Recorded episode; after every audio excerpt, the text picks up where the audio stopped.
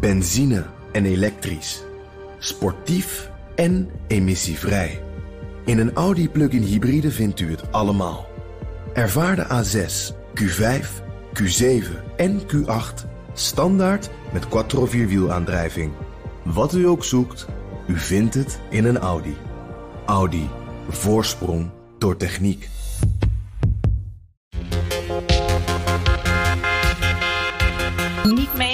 Technologische ontwikkelingen, dan weet je zeker dat je als organisatie jezelf minder relevant of misschien zelfs irrelevant maakt.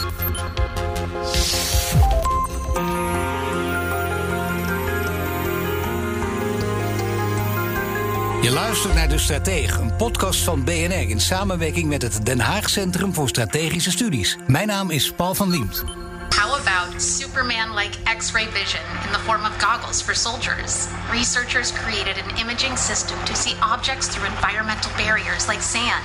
The U.S. Army is advancing robotics technology with the goal of creating teammates for future American soldiers. A new ultra-thin radio frequency switch could provide access to the highest 5G frequencies and enable 6G and beyond.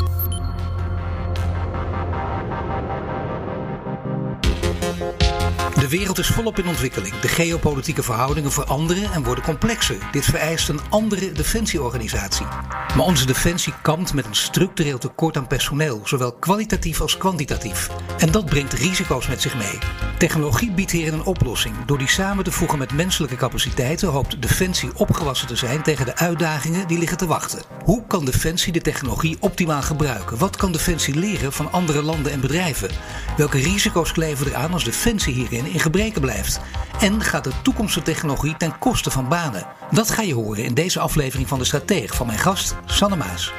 Ik heb een achtergrond in internationale betrekkingen en internationaal publiekrecht. Ik ben uh, werkzaam bij PwC en daar help ik organisaties in de publieke sector, dus met name in het veiligheidsdomein. En ik help hun met organisatieveranderingen en uh, implementatie van innovatie. Het reisadvies voor het buitenland, dat nu geldt tot en met woensdag 31 maart, verlengen we met twee weken tot en met donderdag 15 april. Het dringende advies blijft daarmee Blijf in Nederland. Ga niet op reis. Op 23 maart op de volgende persconferentie zullen we een apart reisadvies uitbrengen voor de meivakantie. En hopelijk kunnen we dan ook al iets zeggen over de zomervakantie. Okay, Sander, je hebt de wereld op je netvlies staan, maar ja, reizen zit er voorlopig niet in. Er longt wel iets van perspectief, maar toch, heb je al een reis durven boeken, misschien uh, ver vooruit? Ik heb nog zeker geen reis durven boeken, maar ik moet wel zeggen dat bij mij de kriebels ook beginnen te komen. Uh, het eerste wat ik wel heel graag zou willen is, ik heb vorig jaar een, uh, een bruiloft willen organiseren met een van mijn beste vriendinnen in, in Frankrijk. Nou, dat hebben we natuurlijk uit moeten stellen. Dus stel dat dat deze zomer weer zou kunnen, dan zou dat natuurlijk fantastisch zijn. Kijk, gezondheid en economisch herstel voorop, maar het vieren van de liefde, dat hoop ik ook wel snel weer te kunnen doen. Ja, dat wordt dus die uitgestelde bruiloft over een jaar. Nou, laten we hopen dat het deze zomer kan. Ik ga, hou de moed erin. Gaan het hebben over de kansrijke integratie van mens en technologie binnen Defensie. Sander Maas van PwC schreef daar samen met Frank Bekkers van het Den Haag Centrum voor Strategische Studies een paper over. Ze leggen uit waarom ze dit gaan onderzoeken.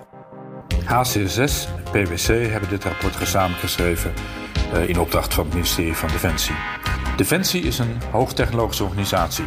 Tegelijk een mensenbedrijf waar zo'n kleine 60.000 mensen werken. Nu vindt er in de wereld om ons heen heel veel technologische ontwikkeling plaats. Met veel invloed op hoe mensen werken. Defensie speelt daar ook nu al op in. Maar wat nog een beetje ontbrak was een overzicht van wat er allemaal mogelijk is. Nu en zeg in de komende 10 tot 15 jaar. Waar is nu echt de winst te behalen en waar wellicht wat minder? Dit rapport biedt dat overzicht. Frank Bekkers was dat. We horen hem nog een paar keer terug deze aflevering.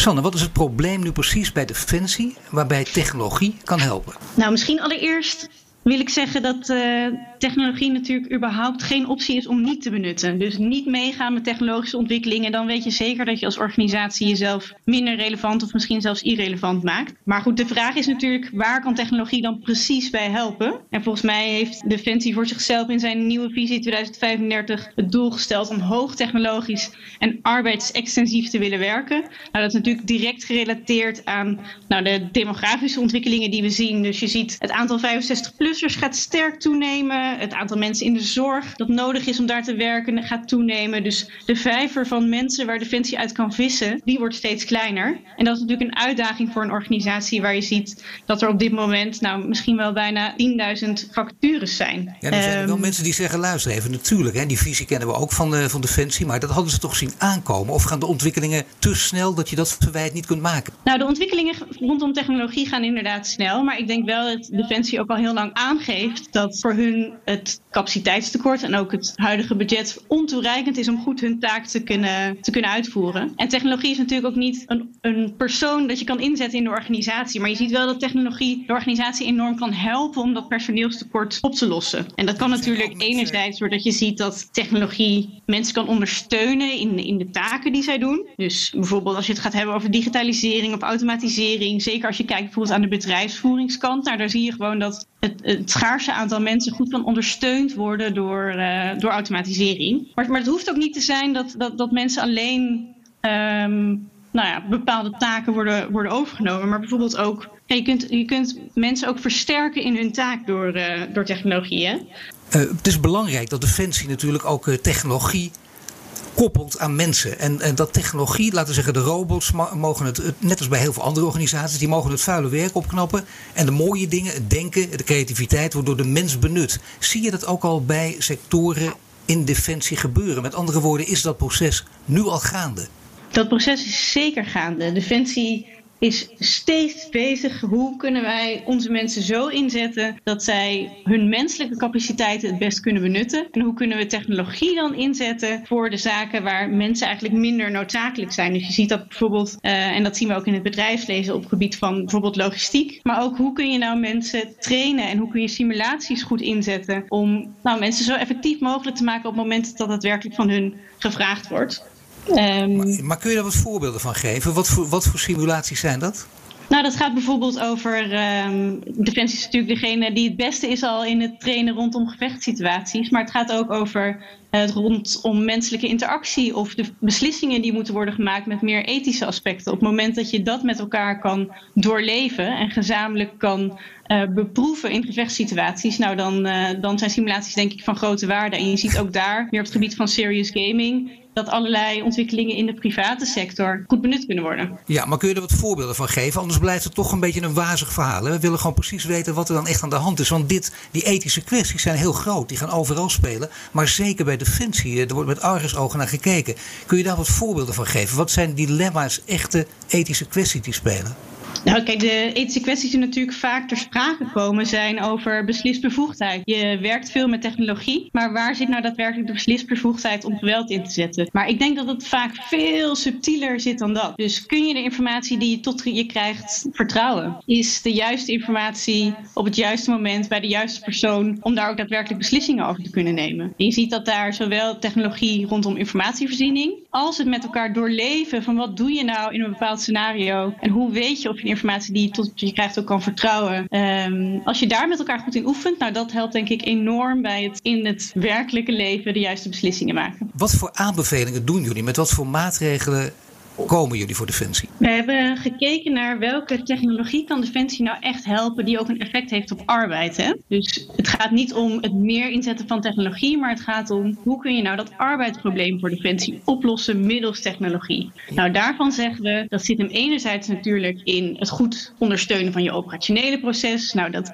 zijn voorbeelden die we vaker horen rondom robotica. Maar we denken dat het heel belangrijk is dat Defensie ook in de ondersteunende processen en in de manier waarop personeel wordt ondersteund, maatregelen ontwikkelt om technologie beter in te zetten. Dan kun je dus bijvoorbeeld denken aan de plekken waar Defensie eigenlijk best lijkt op het bedrijfsleven. Denk bijvoorbeeld aan de bedrijfsvoering of denk aan de administratie. Dat zijn plekken waar bijvoorbeeld robotic process automation echt kan helpen om mensen in te zetten waar bijvoorbeeld interactie nodig is, maar het repetitieve werk, het herhaalbare werk, spelbare werk uit handen te halen van de medewerkers die daar nu zitten. Ja, en daar zie je inderdaad de overeenkomst, zoals je zegt, bij heel veel bedrijven natuurlijk. En je ziet er misschien ook wel uh, de overeenkomst met banken. Banken, dat werd al in een vroeg stadium van gezegd, die ontwikkelen zich tot uh, techbedrijven. En dat zou je misschien van Defensie ook kunnen zeggen. Dat het in 2035, die visie waar we het net over hadden, die geschreven is. Dat zou je kunnen zeggen dat Defensie tegen die tijd, als het goed gaat, een, een tech-organisatie is? Of gaat dat te ver? Nou, ik zou het nog sterker zeggen. Het wordt niet alleen van banken gezegd dat zij technologische organisaties zijn. Zij hebben zichzelf ook gedefinieerd als wij worden een financiële instelling, maar ook een ICT-bedrijf. En daarmee zet je jezelf ook anders in de arbeidsmarkt en trek je ook ander type talent aan. Dus ik denk op het moment dat Defensie explicieter zou zijn over hun technologische ambities, dat dat hun ook helpt om talent aan te trekken. Dus ik zou inderdaad zeker zeggen dat uh, nou, het worden van een technologische organisatie Defensie ook kan helpen in, uh, in de problemen waar ze nu tegenaan lopen. Ja, want inderdaad, zoals je zegt, doen banken natuurlijk al, al een tijd. En, en dan geven ze twee mogelijkheden, bijna twee definities aan. Maar zou je kunnen zeggen, Defensie is dan in 2035 een, een tech-organisatie. En we hebben ook mensen nodig die daartoe zijn geoutilleerd? Nou, ik denk dat het heel belangrijk is dat je mensen altijd in de kern van je organisatie houdt. En um, kijk, een van de veelgehoorde geluiden binnen Defensie is natuurlijk: moet ik niet bang zijn dat mijn banen dan worden overgenomen en dat de volledige organisatie gestoeld is op technologie. En daar hebben we denk ik in het rapport ook wel echt aandacht voor gehad. Ik zie het meer zo dat technologie niet banen overneemt. Technologie neemt geen mensen over. Technologie neemt taken over van mensen of activiteiten van mensen. Um, dus bijvoorbeeld heel voorspelbaar fysiek werk. Nou, dat heeft een grotere kans om door technologie overgenomen te worden dan meer onvoorspelbaar fysiek werk. Of nou ja, waar je de interactie met anderen zoekt. Of inderdaad, waar we het zojuist over hadden, de ethische afwegingen. Dat zijn plekken waar uh, mensen worden ingezet en de taken waar ook zeker nooit zullen worden vervangen. Dus het zal nooit zo zijn dat technologie banen overneemt, maar dat delen van de activiteiten die mensen uitvoeren of ondersteund worden door technologie of daar deels toe worden vervangen. Maar mensen zal Defensie zeker altijd nodig hebben. Nee, het is mooi hoe u het zegt. Het klinkt ook heel geruststellend. En ik moet je eerlijk zeggen, ik zou nu graag een hele kritische vraag stellen, maar dat kan niet. Want het is inderdaad, WR-rapporten schrijven er ook al een tijd over. Een baan is een bundel van taken, zo moet je het zien. Dus zo is het ook. En je moet inderdaad kijken waar is de mens voor geschikt en waar is de robot vooral voor geschikt, om het nou zo simpel mogelijk te zeggen. Dus jij zegt, die vrees kan ik bij deze wel wegnemen. Banen worden anders, maar je kunt dat nooit helemaal zo definiëren, omdat een baan dus gewoon een bundel van taken is. Daar komt het op neer? Daar komt het inderdaad op neer. Kijk, om even een concreet voorbeeld te geven. Stel dat je nu monteur bent bij Defensie. Dan is denk ik de tijd dat jij daadwerkelijk aan het sleutelen bent aan materieel, is beperkt kijkende naar de taken die je in die week uitvoert. Dus technologie kan je helpen om daar waar jij je expertise kwijt kan, daar ruimte voor te maken. En tijd die je bijvoorbeeld nu besteedt aan administratie of aan rapportages, om die te verminderen. Als je ziet dat bijvoorbeeld bij banken vele duizenden banen verdwijnen dan is het een illusie te denken dat Defensie alle arbeidsplaatsen in stand kan houden. Maar tegelijk schept technologie ook nieuwe banen. Zeker bij de operationele eenheden van Defensie is er eerder behoefte aan meer dan aan minder mensen. Ja, het klinkt eigenlijk ik, voor heel veel mensen sowieso natuurlijk als muziek in de oren. Je ziet dat inderdaad ook bij andere bedrijven natuurlijk gebeuren, deze ontwikkeling. Dus waarom zou Defensie daarbij achterblijven? Nou staat er ook in het rapport, eh, je wil een hoogwaardige Defensie. Een hoogwaardige Defensie. En sommige mensen verwarren dat misschien af en toe met... oh, wacht even, Defensie wil nu vooral hoogopgeleid personeel aantrekken. Is die verwarring terecht of onterecht? Ik denk dat je zeker als je een aantal jaar vooruit kijkt, zeker niet altijd hoogtechnologisch personeel nodig hebt om een hoogtechnologische organisatie te zijn. Je ziet nu ook binnen de technologieontwikkelingen naar technologie die eigenlijk steeds intuïtiever werkt. De mens staat niet in dienst van de technologie, maar de technologie staat in dienst van de mens. Dus waar je bijvoorbeeld op dit moment of voorheen vaak een developer zou moeten inzetten om bepaalde codes te schrijven, zie je steeds meer dat technologie eigenlijk gaat werken met interfaces of drag-and-drop technologie, waardoor jij gewoon als medewerker die technologie kan benutten en er helemaal geen tussenkomst nodig is van een developer. En dat maakt ook dat je die technologie veel beter kan inzetten voor de taken waar jij ze voor nodig hebt. En de technologie dus ook nou, in, de, in de haarvaten van je organisatie zit en in de handen is van de mensen die het werk daadwerkelijk uitvoeren. Dus dat is denk ik een ontwikkeling die maakt dat je niet altijd hoogtechnologisch personeel nodig hebt om uh, technologie in te zetten. Nee, dat is een hele interessante. Want dit is. Ik, misschien ga ik te ver, maar dan moet jij mij maar corrigeren. Maar dat, uh, dat hoor je natuurlijk vaak ook weer bij andere bedrijven. Net als bij Defensie, dus blijkbaar ook. Uh, dat je denkt: wacht even. IT wordt misschien wel eens. Ik zeg het even zo simpel mogelijk, hè, voor het gemak. Dat IT zo makkelijk wordt. Dat, ja, dat, dat sommige IT'ers juist op den duur voor hun baan moeten vrezen? Of gaat dat te ver? Nou, wat we wel zien is, we hebben natuurlijk gekeken naar welk type activiteiten hebben een grote kans om geautomatiseerd te worden. En dat bijvoorbeeld mensen die nu juist bezig zijn met informatieverwerking, dat dat soort type taken inderdaad een grote kans hebben om geautomatiseerd te worden. Uh, het is natuurlijk niet zo dat je geen mensen nodig hebt die echt kennis hebben van de technologie. Ook omdat je moet kunnen begrijpen wat er achter de schermen gebeurt. Dus voor heel veel mensen zou het voldoende zijn om gebruik te maken van een interface. Maar je hebt wel mensen nodig die snappen wat daarachter gebeurt om controle te houden over uh, hoe je de technologie als organisatie inzet. Nou is er nog wel een vrij interessante en ook een, uh, misschien wel een gevoelig puntje. Ik heb net gehad over hoog en laag opgeleid. Nou, daar, daar heb je al eigenlijk in zekere zin antwoord op gegeven. Je zult beide nodig hebben natuurlijk in dit proces. Maar je hebt ook te maken met ouderen en jongeren. En uh, laten we nou voor het gemak maar even, met alle uitzonderingen die er zijn, de grens bij een jaar of 50 leggen. En misschien 45. En de mensen daaronder, en hoe jonger, hoe beter eigenlijk om kunnen gaan met, met alle nieuwe technologische hulpmiddelen.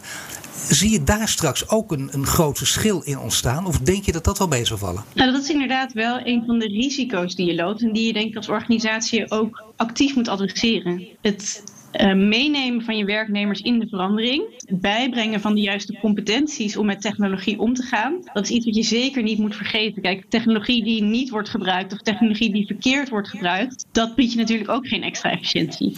Dus het investeren in het zorgen dat je werknemers kunnen omgaan met technologie, het upskillen noemen wij dat. Nou, dat is denk ik iets waar uh, je naast het investeren in technologie zeker aandacht voor moet hebben. Maar ik vind nog wel belangrijker, want de aandacht gaat vaak uit naar trainingen rondom het omgaan van technologie. Maar als we wat verder vooruit kijken, en dat doet de defensievisie ook, dan denk ik dat je met name aandacht moet hebben voor training op gebied waar de mens van toegevoegde waarde is. Dus we zeiden al, Um, de mens heeft een aantal unieke capaciteiten die nooit worden vervangen door technologie. Creativiteit, het oplossend vermogen. Ik denk dat we enerzijds mensen moeten helpen om om te gaan met technologie, maar ook vooral niet vergeten dat de mens en haar creativiteit, vindingrijkheid en de manier waarop je met elkaar een interactie aangaat, daar zouden we ook met elkaar uh, aandacht voor moeten hebben. We zijn niet um, de personen die technologie voor ons laten werken. Wij zijn de mensen die dingen kunnen die technologie niet kunnen. En daar moeten we op trainen en in investeren. Zeker, en investeren. Kijk, dat is een hele belangrijke, want daar uh, roept Defensie natuurlijk al heel lang over. En wel begrijpelijk. Je ziet het ook als je nu naar de verkiezingsprogramma's kijkt. Elke partij zegt wij willen een sterke defensie.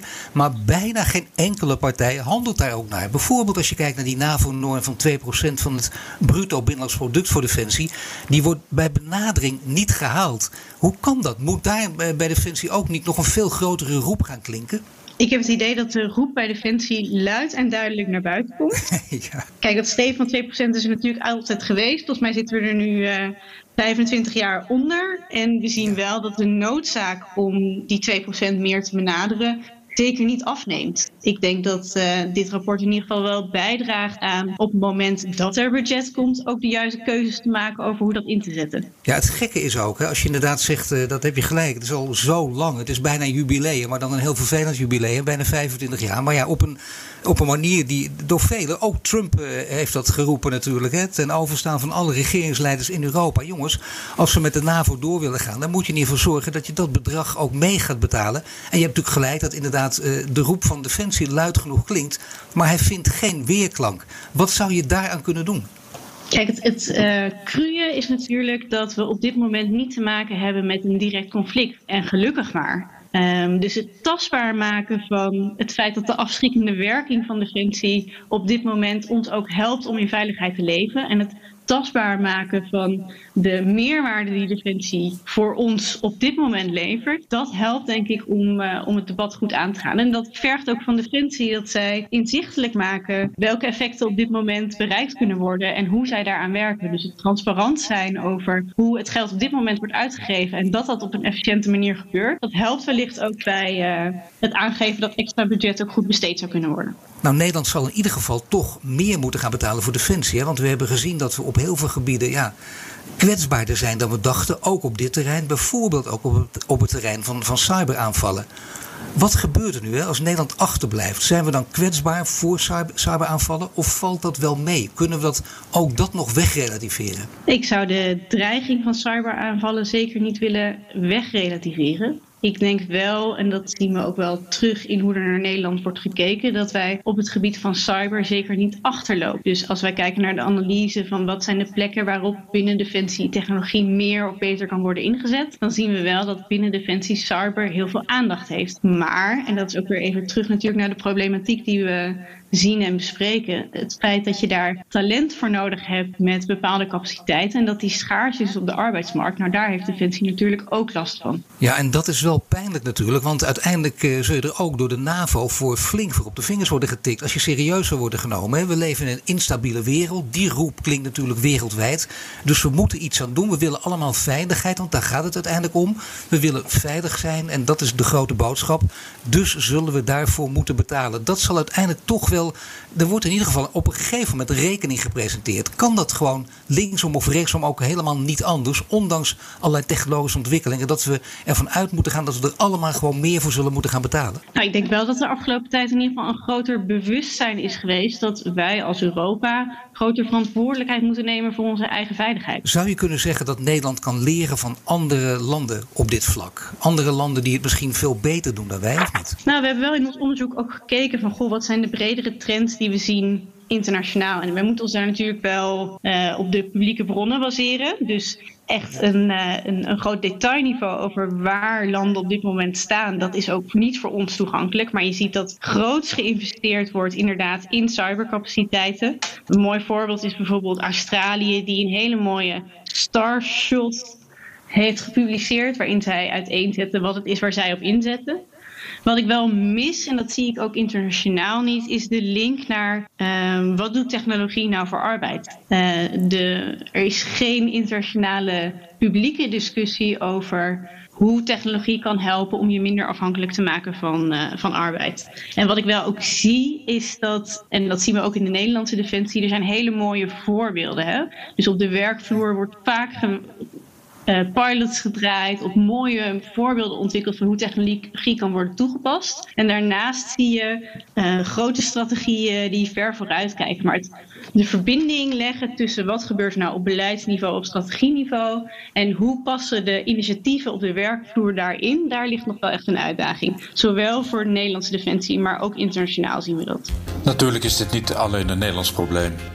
Ook krijgsmachten van onze partners vragen zich af hoe ze de komende jaren moeten omgaan met de balans tussen mens en technologie en waar ze in moeten investeren voor een blijvend optimale balans. Zo zijn er veel ontwikkelingen op het gebied van onbemande systemen. Net als Nederland zijn de ons omringende landen hier intensief mee bezig. Dat betekent dat er ook veel ervaringen gedeeld kunnen worden over wat werkt en wat niet werkt.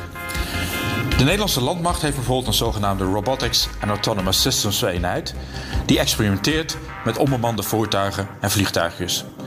Die eenheid wisselt veel informatie uit met bondgenoten als Duitsland en Engeland. Je, je kunt geen kant-en-klaar model verwachten, maar bijvoorbeeld dat gaat in een bepaald land heel goed. Israël wordt natuurlijk ook heel vaak uh, geroemd als het gaat in ieder geval om technologie. Zeker. Ja, dat is inderdaad zo. Er zijn een aantal landen die uh, voorop lopen op het gebied van cyber en daar ook een hele duidelijke strategie op hebben. Israël is er daar één van en Amerika loopt daarin natuurlijk ook niet achter. Um, Nederland staat wel daarin zeker niet bij de slechtste van de klas. Nee, kijk, nee, ja, nee, dat heeft Nederland uh, toch uh, hard nodig ook. Dus Nederland doet het op dat gebied misschien goed. Alleen de vraag blijft natuurlijk wel voor Defensie ook, en dat snap ik, met verkiezingen in aantocht. Er zijn heel veel onderwerpen en iedereen vindt zijn eigen onderwerp het allerbelangrijkste.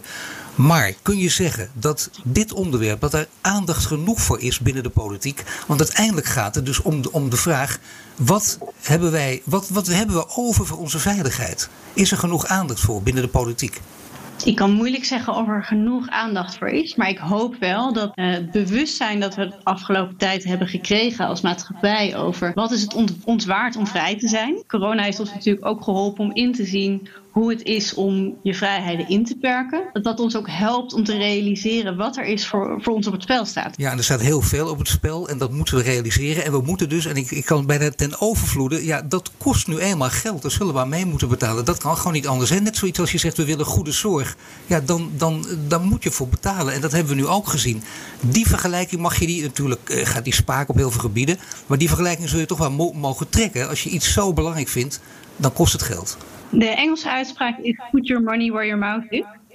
En als we zeggen dat we het heel belangrijk vinden, dan betekent dat ook dat er inderdaad financiële consequenties aan moeten zitten. Nou, Sanne, ik, ik denk niet dat, dat, dat, eh, dat, dat dit echt de game changer, dat hadden wij ook niet verwacht. Dat willen we ook helemaal niet gaat worden in de verkiezingen. Maar dit is wel een, een, een belangrijke klap die het op het eind van dit gesprek nog even geeft. Hartelijk dank, Sanne Maas van PwC. Hartelijk dank.